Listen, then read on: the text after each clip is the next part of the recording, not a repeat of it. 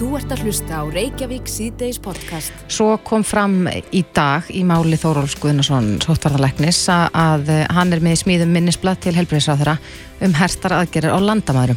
Já, maður veldi fyrir sér hvernig það fer í fólk og, og ferðarþjónastunum sérstaklega. Akkurat, ég held að við Íslandingar séum ekki droslega spennt fyrir takmörkunum innanlands, en jafnvel svona almenningur uh, frekar til í að það veri herrtökjun á landamærum en það vitum við það að, að koma oft smitt til landsins í gegnum landamærin.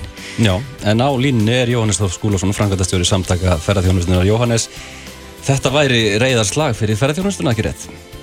Já, það er einfallega engin fólumæði kakvart svona hugmyndum í ferðarþjónustunni í dag þegar að þetta er komið aðeins í gang og, og hundruður þúsunda ferðamanna búin að bóka sér ferðalög til Íslands á næstu vikum Þetta myndi hafa áhrif að þá alla og ekki síður á svo bara möguleika á að fá bókanir áfram inn í september, oktober, november mm -hmm. og inn í veðurinn og, og þetta er, já þetta myndi vera bara að hafa graf alvarlega áhrif og, og við hljóttum að spurja í rauninni hvað það sé sem að hafi gerst sem að ekki lág fyrir að gæti gerst þegar að áætlun stjórnvalda og sótartanriðvelda um aflýtningu takmarkana í samhengi við góðan gangi bólusetningum var sett núna í vor og, og, og allir þessir aðilar töluðu mjög, já, ég runni bara sjálflega um það að, að nú er þetta komið á góðan stað og, og þetta er láta að reyna á það þessar bólusetningar skiluð þeim árangur sem er hægt að gera.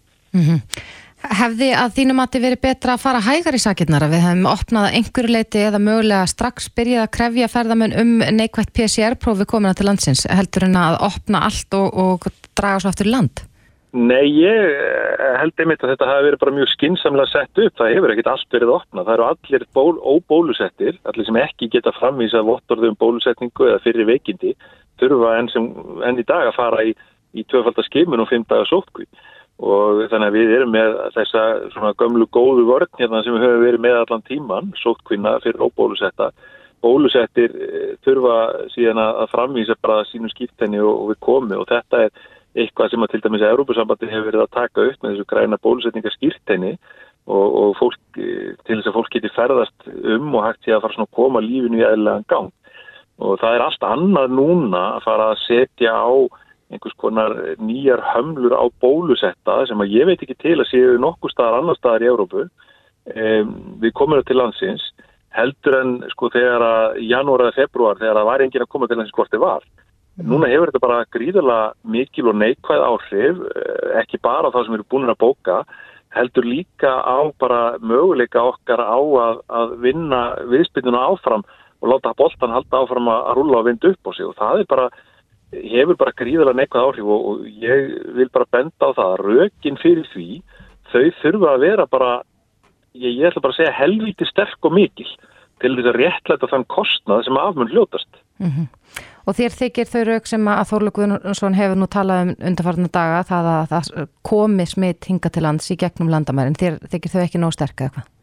Sko, í því samengi vil ég bara benda á það sem er að gerast í nákvæmna ríki okkar Danmörku sem við horfum nú gertan til. Danir hafa verið nokkuð eh, svona harðir í þessu undarfarnar mánuði, ég vetur oft á svipum slóðum eða jafnvel harðar en við varandi landamærin, þeir eru núna hins vegar búin að gefa það út fyrir nokkru síðan að þeir ætli bara einfallega að fara að lifa með veirunni þeir ætli ekki að fara að horfa á fjölda smita sem eru um þúsund á dag núna í Danmarku sem er jafngildi kannski um svona eins og það væri 60 smita á dag hér hjá okkur um, sem er, er augljóst að, að við myndum tellja mikinn faraldur mm -hmm.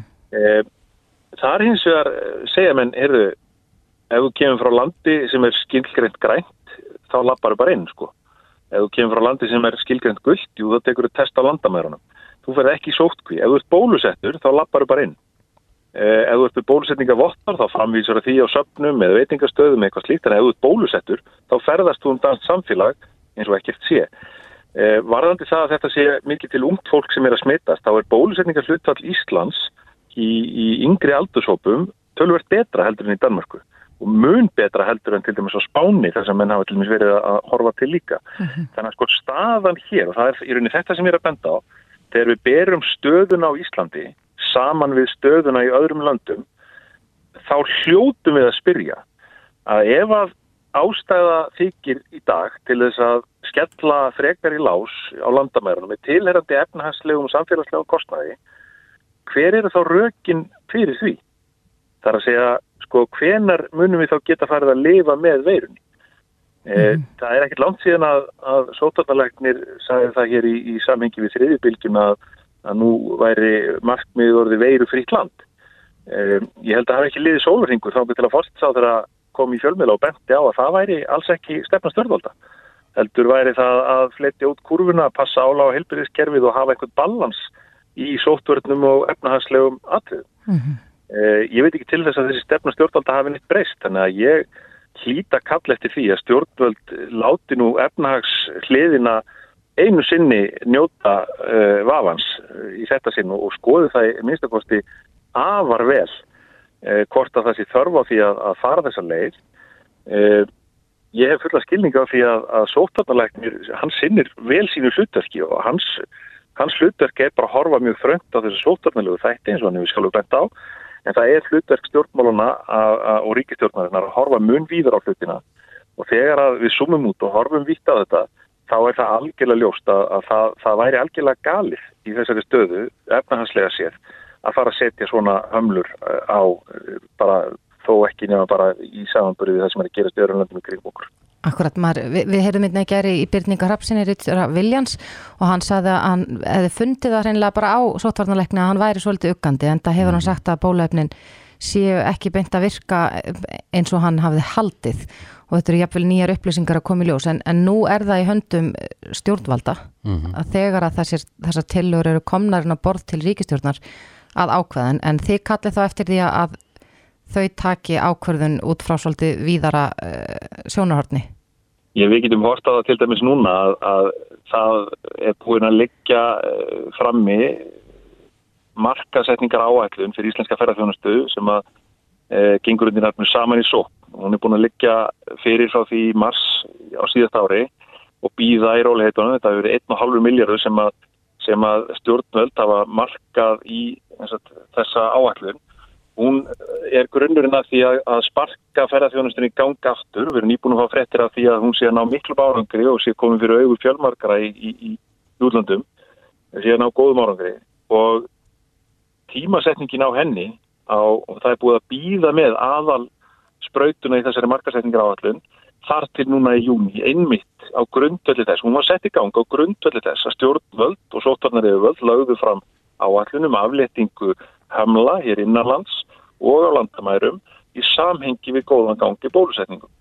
Og hún var sett í gang núna uh, upp úr miðjum júni e, og það er algjörlega ljóst að sko að breyta þessu núna á þennan máta sem hefur verið bent á, hvort sem er þá að krefjast PCR-prófa eða einhver annar að hamla á, á e, bólusetta ferðamenn, e, það vinnur bara beinlýnis gegn þessu markmið. Það vinnur beinlýnis gegn e, markasetningar á allum stjórnvalda sjálfra og í rauninni uh, leiði þá bara til þess að það verða að sóa þeim peningum í eitthvað sem við hefum betur kynnt á í. Mm -hmm. Þannig að sko, hér er sko þá hæri höndina að vinna gegn því sem að svo vinstri er að gera. Þannig að það eru, það eru svona efnahanslegar afleggingar sem ég er að horfa á vegna þess að sko um, þessi áallun, marka, bara þessi markasetningar áallun, gangi hún upp, þá er hún að koma með hér 20, já, líklega 26 til 35 miljardar inn í þjóðabúið út á þennan einu háan sem að, sem að ríkið er að eða í hann. Mm -hmm. Þannig að þetta er ekki smápenninga sem við erum að tala um. Fyrir hverja 100.000 ferðamenn uh, þá er þetta á milli 25 og 30 miljardar sem að koma hér inn í samfélagið. Þannig að þetta snýst ekki bara, enn og aftur, þá snýst þetta ekki bara um einhverja almarkaða hagsmunni, einhverja personu eh, eða andlitslausra ferðarþjónustu fyrirtækja. Nei. Þetta snýst einfallega um hagsmunni samfélagsins alls. Akkurat, en þetta líka stangast svolítið á við þennan fyrirsjáanleika sem að, að ferðarþjónustan hefur kallað eftir alveg frá upphafi faraldurs. Það er alveg klart mál, ég meina við erum búin að tala um mikilvægi fyrirsjáanleikans núna mánuðum saman við stjórnvöld og mjög góð samskiptið við stjórnvöld um það og það hefur verið mikil skilningur á því á stjórnvöldum að, að fyrirsjáanleikin í þessari atvinnugrein hann skiptir öllu máli. Mm -hmm. og þetta er eitthvað sem að er ekki bara sér íslenskt mál, við erum að sjá þetta allir bara ef við horfum á á uh, Európu svæðið allt, Schengen svæðið ég meina hvers vegna halda menna að Európusambandið hafi lagt svona mik mikla áherslu á því að koma þessu uh, græna bólusetninga vottorði á yfir allt Schengensæði. Það er Akkurat. akkurat til þess að veita þennan fyrir sjáanleika fyrir bólusett fólk að það viti að það geti ferðast á milli landa án auka takmarkana Já. og koma þessari atvinnugrein og þessum afleitu störfum í gang aftur. Þannig að þetta er ekki bara enn og aftur eitthvað sem við erum að horfa bara hér einhverju lítilli eh, snjókúlu hér upp á Íslandi. Það, það eru allir að glíma við þetta allstaðar og, og, og menn er að fara mismunandi leiðir í því og við hljótu bara einfallega að spyrja hér þegar búið var að leggja upp mjög skynnsamlega leið sem að sóttvarnar yfirvöld vittust styðja þá kemur það okkur verulega óvart, verulega óvart og það er raun engin þóliðmæði gagvart í, í ferðarþjónustun í dag að sóttvarnar yfirvöld beigi út af þeim vegi við fyrstu hraðahendlu. Engi þólimaði segiru, takk fyrir þetta Jóhannes Þór Skúlásson, frangandastjóri samtaka ferðarþjónustuna. Þú ert að hlusta á Reykjavík síðdeis podcast. Crazy little thing called love. Já, Föstu dagur það er mikill föstu dagur í þessu lægi. En kannski minnumstu að það að við ætlum að vera með smá svona föstudags uh, lagakeppni hérna á eftir. Já, Mér heyrðu. ekki gleyma því. Spennandi. Við, við ætlum öll þrjú, hérna, Pétur, Þórdís og, og Benedikt, að velja eitt lag, svona föstudagslag sem við ætlum Mm. að, að spila og þið, kæru hlustundur, fáða hringin og velja hvaða lag er best. Mm Já, þetta, þetta er myrkilega spennandi og ég, ég held ég verði svolítið íslenskur. Já, þú verður svolítið íslenskur. Þú ert líka bara svo svolítið íslenskur. Ég er svolítið gömul sál og íslenskur, já. En að allt öðru, Mhm. í vikunni vakti mikla aðtegli þegar Har- Haraldur Þorleifsson frumkvöðl bauðst til þess að greiða eh, miskabætur og eh, lögfræðikostnað fyrir þá sem að Ingólu Þórarins og Veðuguð hefur krafið um, um, um bætur. Já, emitt og fekk mikið lof fyrir. Akkurat, en um, þetta er nú kannski svolítið sérstakt að, að, að það sé auðkýfingur hér á landi sem að býðst þess að greiða málskostnað annað fyrir, fyrir fólk sem er í þessari stöðu og uh, píratar hafa látið sér þetta varða.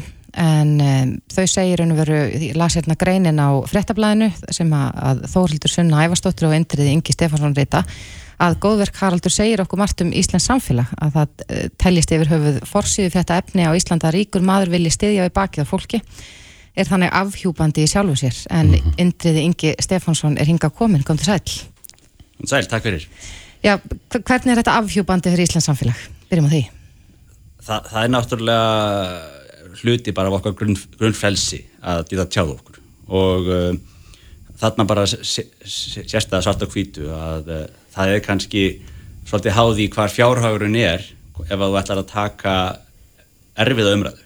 Og ef, þegar að fólk er að tjásu um erfið málefni og svo, svo var það mik mikla hagsmunni að þá finnst okkur það svolítið brotið ef að uh, það er séðan háð góð, góð mennsku annara sem eru fjársterkari upp á það að þú geti þá varið þennar réttin til að tjá þig og endur því að bara hugsanlega á því að þurfa að selja ofan að þér ef það svo ber undir. Akkurat, en nú hafið þið hjá Pyrrhutum samþykkt stefnu sem ber heitið stefna um aukna möguleika fólks til að leita réttar síns. Þetta er stefna í tíu liðum og, og miður að því að auka aðgengi fólks á réttakjörunu, óháð efnahag. Er það svona grunnstefið í þessu að, að, að efna meira fólk hafa ekki betri aðganga réttakjörunu heldur en þeir efna minni?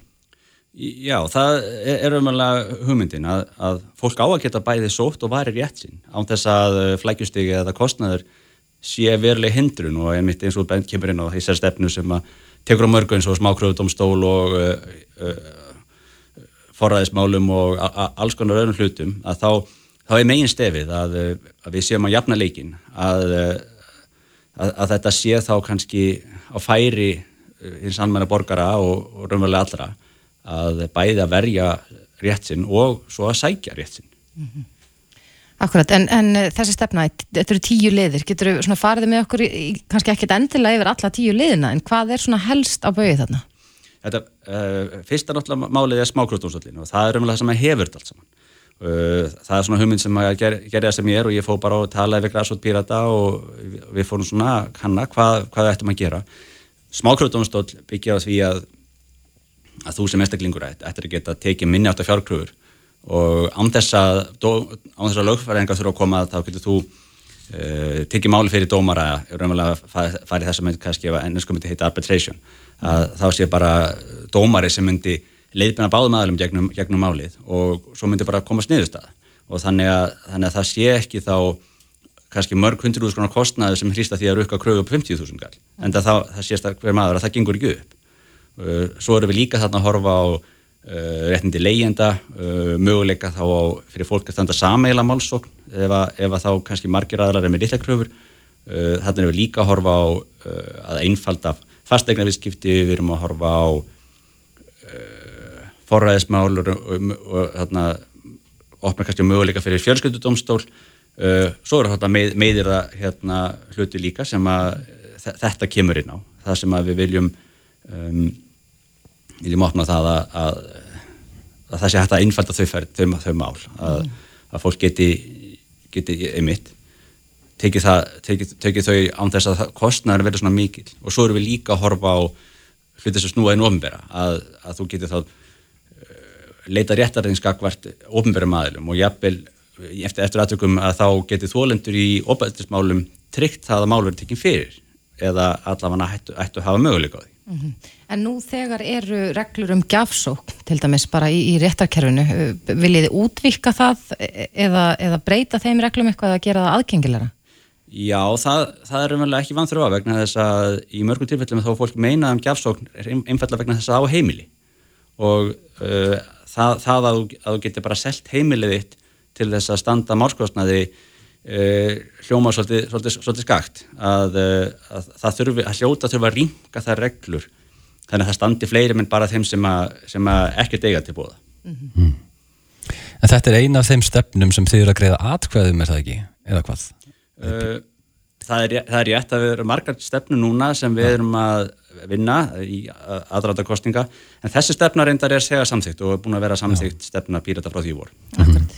Við heyrðum það hér fyrir vikunni í fréttum að Helgi Rapp pírati hann vill standa vörðum tjáningafrelsu og þetta er eitt af þeim málum sem hefur verið með ofarlega bögi hjá píratum um, finnst ykkur að í þessu málum sem við erum að horfa upp á núna meðir það málum í tengslum við, við uh, brot af þessu tægi finnst ykkur að tjáningafrelsu ætti að vera reynlega rýmra í slíkum málum?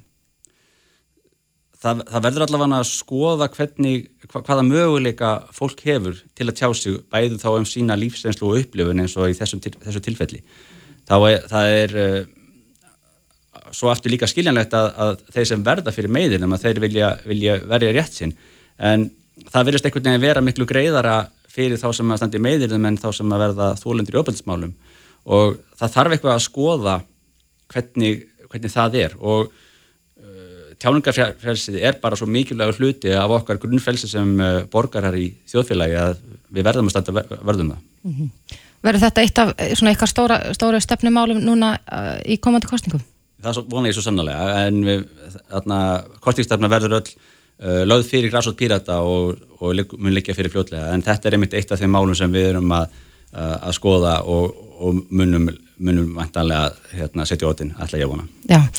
Indrið Ingi Stefansson, tölvunafræðingur og frambjóðandi pírata. Takk kærlega fyrir komuna. Hlustaðu hvena sem er á Reykjavík C-Days podcast. Já, það er spurning hvernig veðrið mun leika við okkur þessa helgina.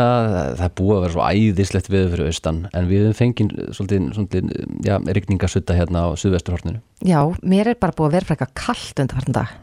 Já, er, ég er búin að þurfa að kveiki í opnónum sko. Já, er það? Já. Ég er ekki alveg komin þangað. Nei klæði mig kannski bara litið betur innan þeirra en uh, við veitum að Norðurland og Östurland hefur fengið mikið af sólageslum mm -hmm. en uh, mér finnst þess að það sé farin að koma tíma á okkur, er það ekki eitthvað?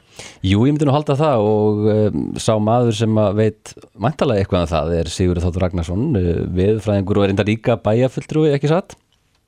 Jú, jú, og Siggi Stormur kannski, það er bara vinnu heiti mitt. Akkurat. Já, við kannski notumst við Sigga Storm bara í, í, í þessu viðtalið, ekki? Jú, jú, gera það bara. Ég er ekkert viðkvæmur fyrir því. Það er, er margir sem að hafa spurt mig að því, sko, hvort þetta sé eitthvað, viðkvæmni í þessu. En það er alls ekki svo. Þetta er búið að vera svo mörg ára að, að ég væri þá orðin, sko, engar áhærðari heldur en ég er, sko, ef ég hef alltaf hafa áhyggjur af þessu. Akkurat. En ertu nokkuð að fara að spá stormi hérna á höfbruksvæðinu? Snarvillis alveg. Nei, ég er ekki rínast í eitthvað. Þetta er hérna...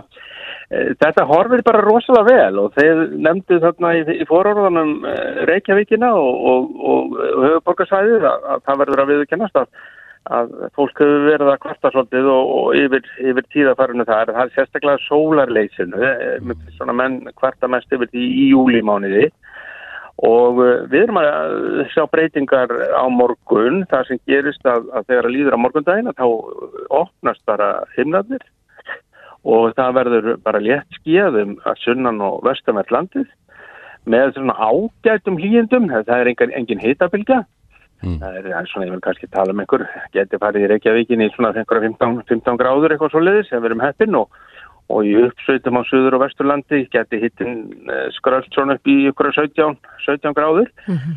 En uh, breytingin er mest með það sem búið er að vera uh, hvað hlýjast og, og, og sólríkast, það er sérstaklega norðaustur og austurlandi. Það, er, það, sem, er að, það sem gerist þar er að það er lagðadrag sem skilur eftir sig úrkomuloft sem verður viðlóðandi norður, norðaustur og austurlandið í fyrramálið. Og það mun, munu einhverja skúrir falla úr því. Þannig að þeir sem eru á, á tjálstæðum að, að, að þeir ætti að búa sig undir að, að það verði einhver bleita svona uh, fyrir hátíð á morgun. Og þegar að síðan líður að hátíð og svona eftir hátíð á morgun að þá verður þetta lagðandra komið út af landinu og þá fyrir að rofa þar til en hlýjindin verða ekki þau sömu á norðustur og austurlandi eins og þau hafa verið. Og við erum ekki að spá neinum uh, 20 pluss þar heldur kannski meira svona 15, 15 kannski 16 gráðum. En hitin verður hins vegar og ef við reynum aðeins að fyrir okkur yfir, yfir á hvað verður þá hlýjast. Mm. að það er, þá erum við komin í 22 gráður svona um það bil. Og það er á um, Suðausturlandi á milli jökla, þar að segja milli vatnajökuls og, og ef við lefum okkur orðaða, orðaða þannig, kirkjubæðaklaustur kemur það stert inn og, og, og, og það, svo ferðar þjónustar sem er á því svæði. Mm þannig að eh, það er eina sem að kannski svona menn þurfa að hafa í huga.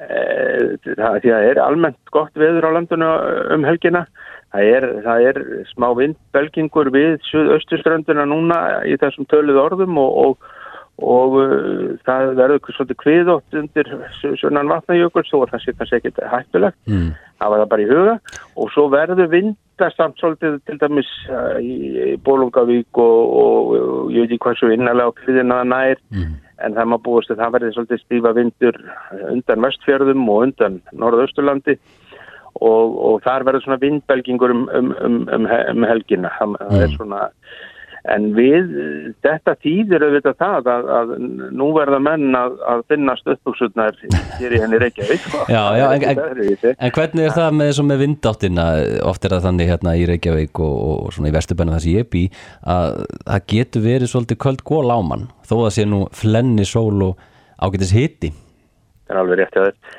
Og það er þannig í þessu að þetta er vestanátt, það er, að það er hæðar sigur að tegja sig yfir landið með vestlæga átt. Og þá er maður alltaf skítrættur við, við sko svona dálilega súld á, á annesjum. En, en það er einhver reikningar sem styðja það þannig að, að í, í, það væri, væri ósangjant og óeðlilegt að ég fara að tala um, að tala um eitthvað slíkt. En, en það blæs af hafið, það er ekkert að neyta því. Það, það, það verður hæg vestlag átt og, og en þetta, eh, veistu, þetta er eh, sko ég meir kannski á ykkur eh, kannski stöku síðdeis skúrum, ég veit það ekki.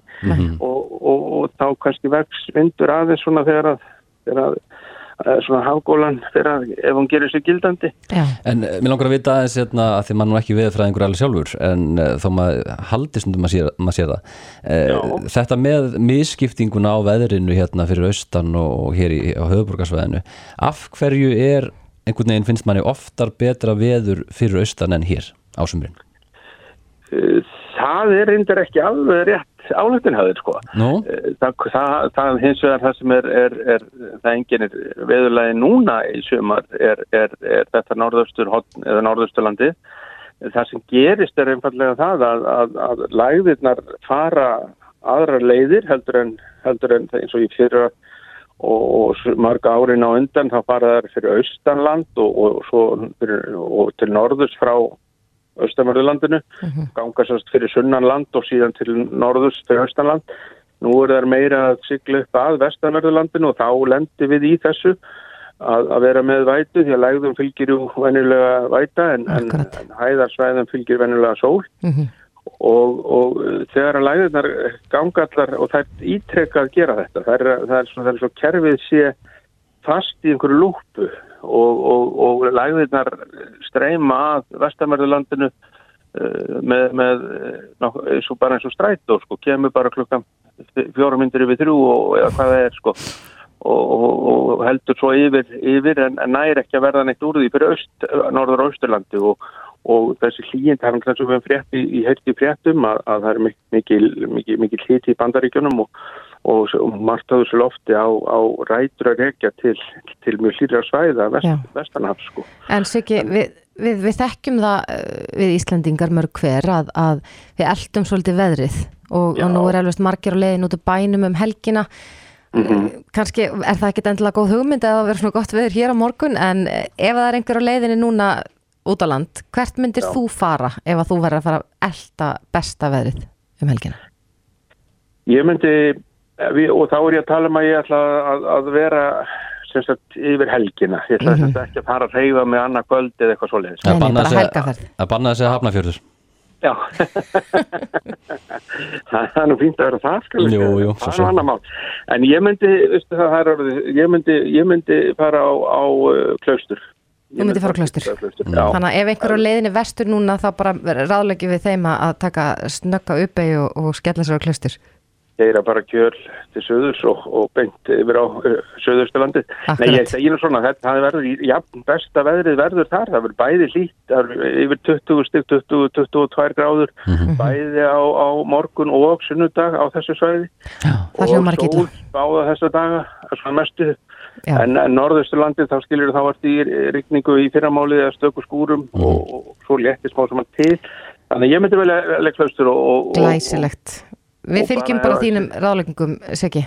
Já, því Já. Ég, ég myndi alltaf eftir að gera það. takk fyrir þetta, Sigurður Þótt Ragnarsson, Siggi Stormur, takk fyrir. Já, ok, takk, takk, góð helgi. Sömmulegis. Reykjavík síðdeis á bylginni. Þannig herði við Sam Smith. Já. Og uh, hún er með honum hann, hún... Uh, Mary J. Blige. Akkurat. Yes. Já, já, já, já. En það bárst fyrir eftir af því í morguna áfengis og tópaksveslun Ríkisins eh, hefur kært Arna Sigursson eh, og fransku netveslun hans Sante Væns og innflutningsfyrirtæki Sante EHF til lauruglu og skattsins. Mm. Fyrirtækið er sakað um að standa ekki skil á, inn, á innhemdum virðisökurskatti.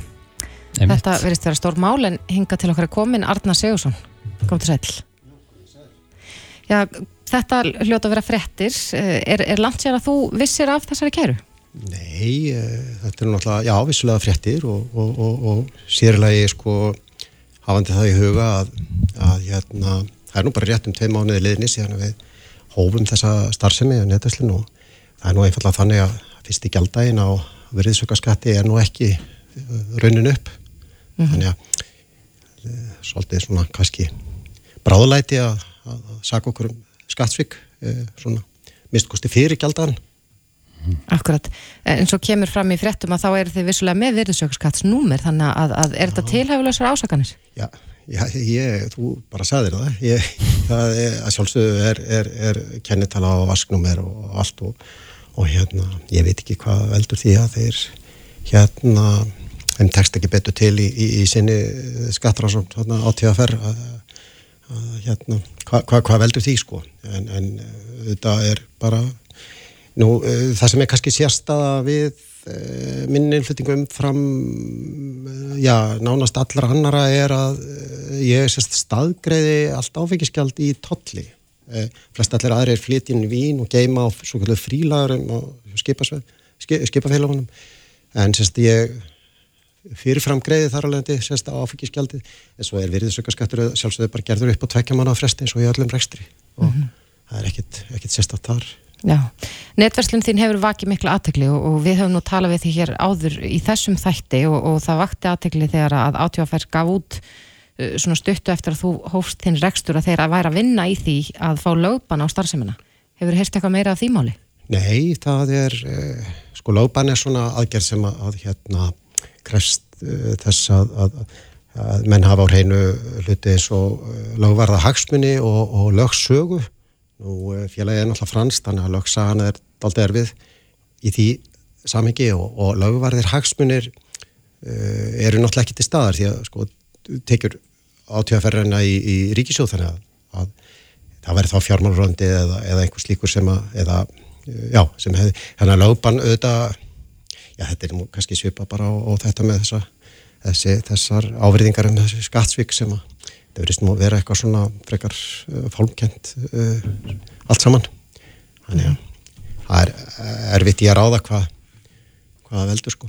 En það er náttúrulega kannski má segja kannski átíðaferð hefur svona gegnum tíðin einhvern veginn náða að koma þeim hugmyndum að hjá þjóðinni að, að þeir eh, passi upp á kannski fyrsta lagi eh, láttu veru verð, öðru lagi gott úrval og þriða lagi sem er náttúrulega í róbleri þetta mótsöknið þetta, hinn tvö eh, tryggi einhvers konar torvelt aðgengi með 51 eh, verslunum, verslunum í, í, í hérna eh, stórmerkuðum út um alland nú nýjasta viðbútin er þá að, að, að samkjömsæðilar séu þá svíkjönda skatti eða eitthvað slíkt og þetta er auðvitað bara og þessi rekstur, þessi ég held að mín netvesslun sko hafi nú bara einfallega sínt fram á það að, að að minnst kosti þetta með verðið eh, á ekki við raukast þiðast eh, við erum til dæmis að selja eh, já, algengar tegundir sem að fólk þekkir eins og allir bjór á borðið stelvið að perhóni það sem að, að neytendur fá fjórðu kipuna frítt að kaupa eitt kassa. Og það munar alveg minna. Þetta er 25% barnar og það er náttúrulega, þannig eru bara auðvitað hagsmunir, ég meina það eru hagsmunir þessar yfirstjórnar þessar félags og, og, og, og þeirra heiluplosafa sem menn eru auðvitað bara rýsa upp á afturlæpurnar og verja gegn auðvitað hagsmunum almenning sem eru auðvitað bara hagstætt vörval, eða hagstætt vörverð. En hvernig hefur gengið? Er, er mikil eftirspurn Já, það er alveg allt búið að vera brjálað að gera sko. Það er, það er hérna frá fyrsta degi sko mm -hmm. og hérna ekki verið mikil, mikil frítími sko Nei. En kemur þetta þér á óvart hvernig uh, í raun og veru er, er farið gegn ykkur? Já, við, við auðvitað náttúrulega búin að fá fullt af sko lagfræði álitum og, og, og öðru slíku áður við fórum í þetta og, og náttúrulega búin að le, leggja yfir þessu og lesa þessi lög hundra sinnum og hérna uh, hérna við höfum náttúrulega aldrei getað fundið neitt uh, sko lagalega agnum á þessu þessari uppsetningu á, á þessu hérna, þessari vestlun nú e, já, jú, ég meina einhver svona að, að, að bera á borðið einhverja svona ranga sakargiftir eh, fyrirfram eh, á borðið skattsvík jú, ég haf nú eiginlega ekki haft hugaflug í það en, en, en hérna en auðvitað áttu þið svo sem alveg vona á einhverju öðru og, og, og, og hérna.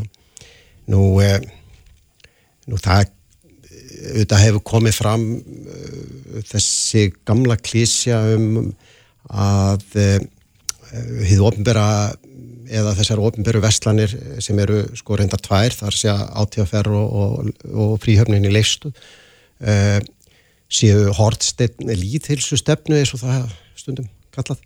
Og hérna nú ég veit ekki veist, þetta er auðvitað bara hlægilegt sko, ég meina sjálfsafgjörsli búðir og, og, og hérna. Nú ég meina uh, þeir sem hafa farið gegnum leifstöð þetta er búið að breyta uh, leifstöði í einn allsherjar áfengisega ránkala það sem er fletta saman sko snittiförum og salgætti og leikvöngum og, og allt um að við áfengisauðlýsingum og þessar vestlanir eru út um all land og í, hérna í stórmörkuðum og inn í, í maturveslunum sem að sumir taldu nú að veri stórhættulegt. Eh, mín vestlun er einfallega sko í bara vöruhúsi og engum sínileg nema bara þeim sem eru þanga konið til að sækja vörur og, og, og vestla á netinu.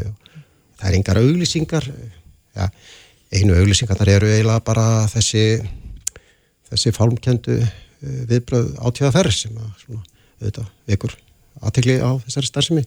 Mm -hmm. Hegstu bræðast einhvern veginn við þessu? Þessum ásökunum og þessari kæru? Já, við bara hérna við bara eftirlátum ekki bara hérna öðrum að, að sjáum það sko.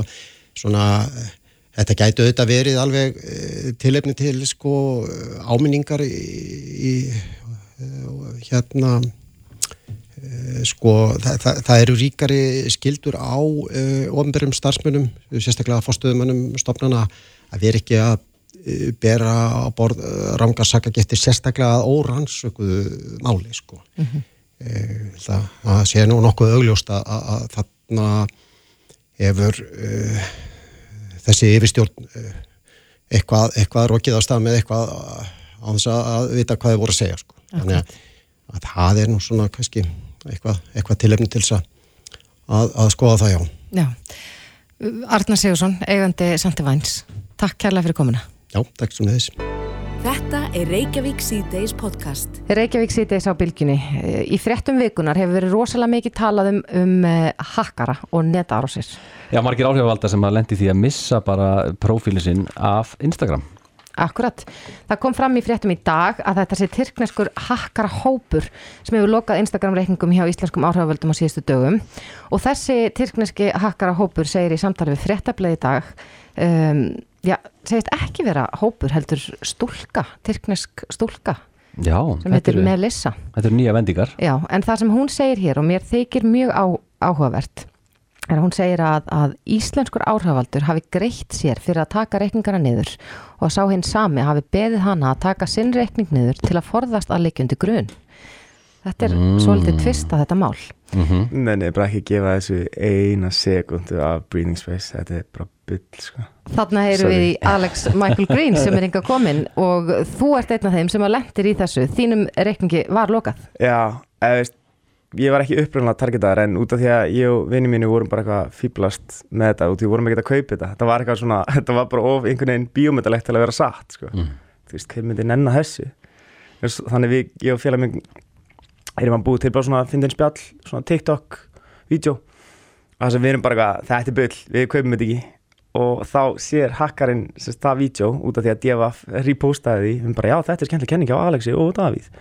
Mm. og þá bara fæ ég message bara sama dag frá hakkarinn bara so you don't think I'm real? Og ég bara uh, no, eitthvað ok, nei, veist, svo, já, þannig ég, ég var bara endalast að að facetime hann út af því að já, ég veit ekki, ég vissi ekki hvernig ég átti að bregðast við sko, bara einhverja hóta manni í kjölfarað þessu að þá, eftir að þú í raun og veru efast um, um það að þetta sé raun og verulegur hakkari, Já. að þá er þínum reikningi lokað. Já, sko, mér lókast alltaf að fara í gegnum með ykkur ferlið sem þetta var, sem var óslega skemmtilegt, sko, út í að ég og hakkarinn urðum meila smá vinnir. Ha? Já, út í að ég hugsaði bara, ok, hvernig er leiðin fyrir mig til að komast undan þessu? Það er bara, ef ég og þessi Melissa, eða þessi hakkari, sem segist vera stelpa, 19 ára stelpa frá Tyrklandi, ef við verum vinnir, þá vonandi bara sínur hún mér miskun. Þannig að þegar hún byrjaði að hóta mér, þá var ég bara, hei, hei, hvað hva stress er þetta? Ég er bara vinnir, enna mm. fyrst hæmum, spjöllum aðeins. Þetta er að gegja það sem þetta gera, ég hef aldrei þetta gert á þér. Bara, what the, what the hell, veist, hvað, af hverju er þetta á þessu? Ég er bara í sjokki. Og þá byrjuðum við bara að spjalla og svo fórum við bara að grínast og, og ég bara, var að reyna að vinna minn í mjúkin hjá henni.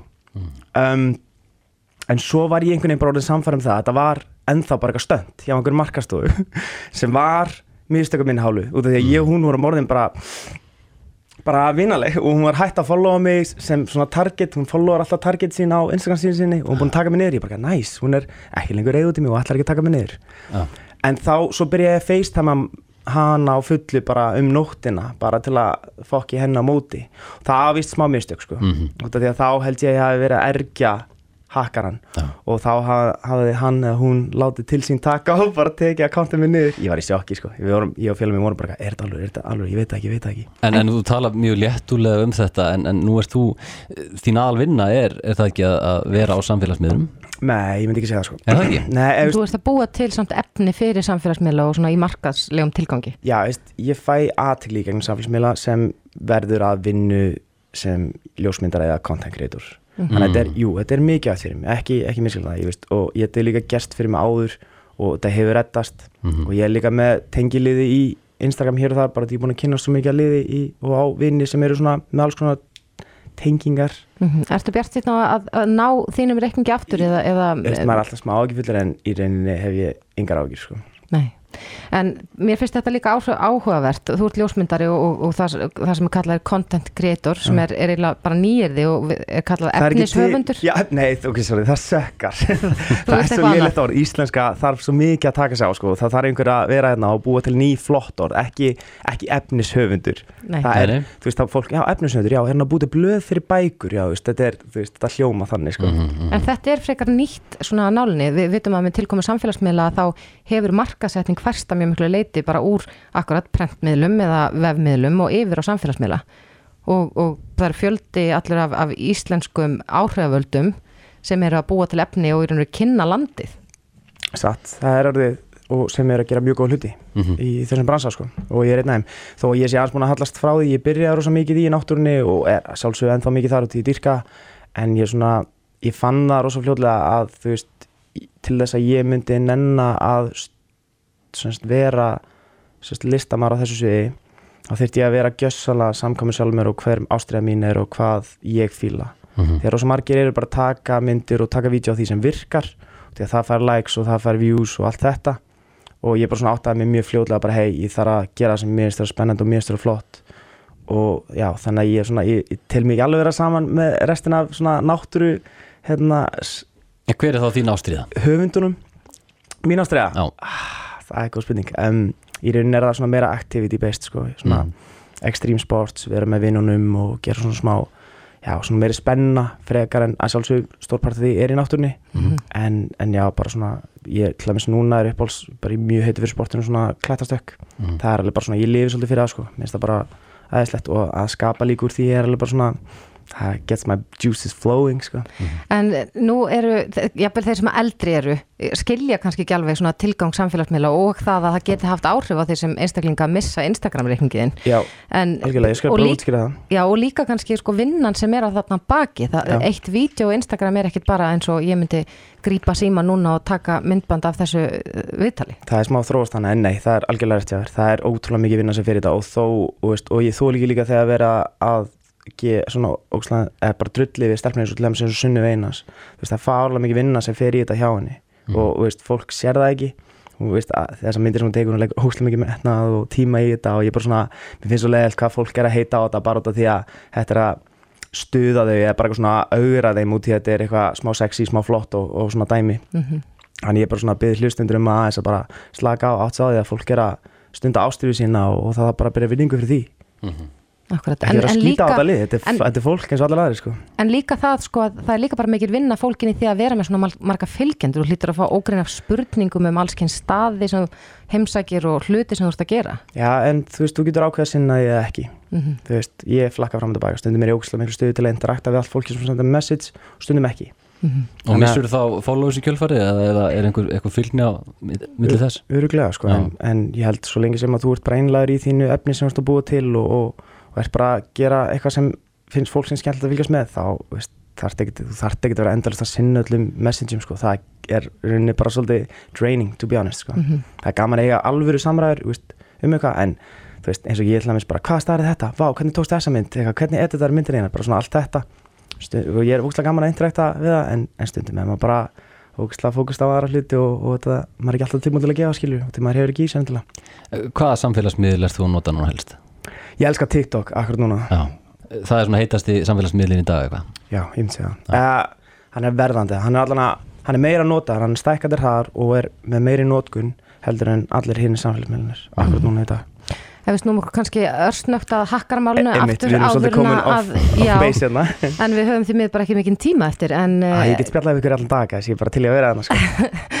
ef, ef að Bylgjör myndir leifa það að við værum bara að spjalla þá, þá væri það í lagi. En um, er eitthvað, eitthvað að er eitthvað að þokast í þetta átt? Ertu í samskiptum við eitthvað hjá Instagram til að reyna að fá reikningin aftur? Já, um, sko, ég er sagt, um, ég er á sam svipiferli og allir hinn krakkarnir, sko, þau eru öll búin að tilkynna þetta til Facebook.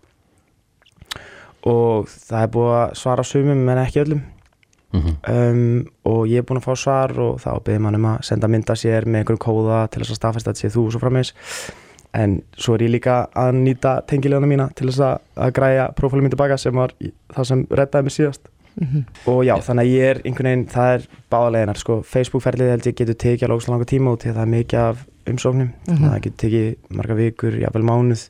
En svo að hafa tengilegan inni það getur gerst hans hraðar og þannig að ég svona er á með tvo vegi sem vonandi leiði mig að því að ég fá akkántum minn tilbaka Já, Alex Michael Green, ef ekki að segja bara áhrifavaldur Nei, nei, Nei, nei, nei, það er nei. sko.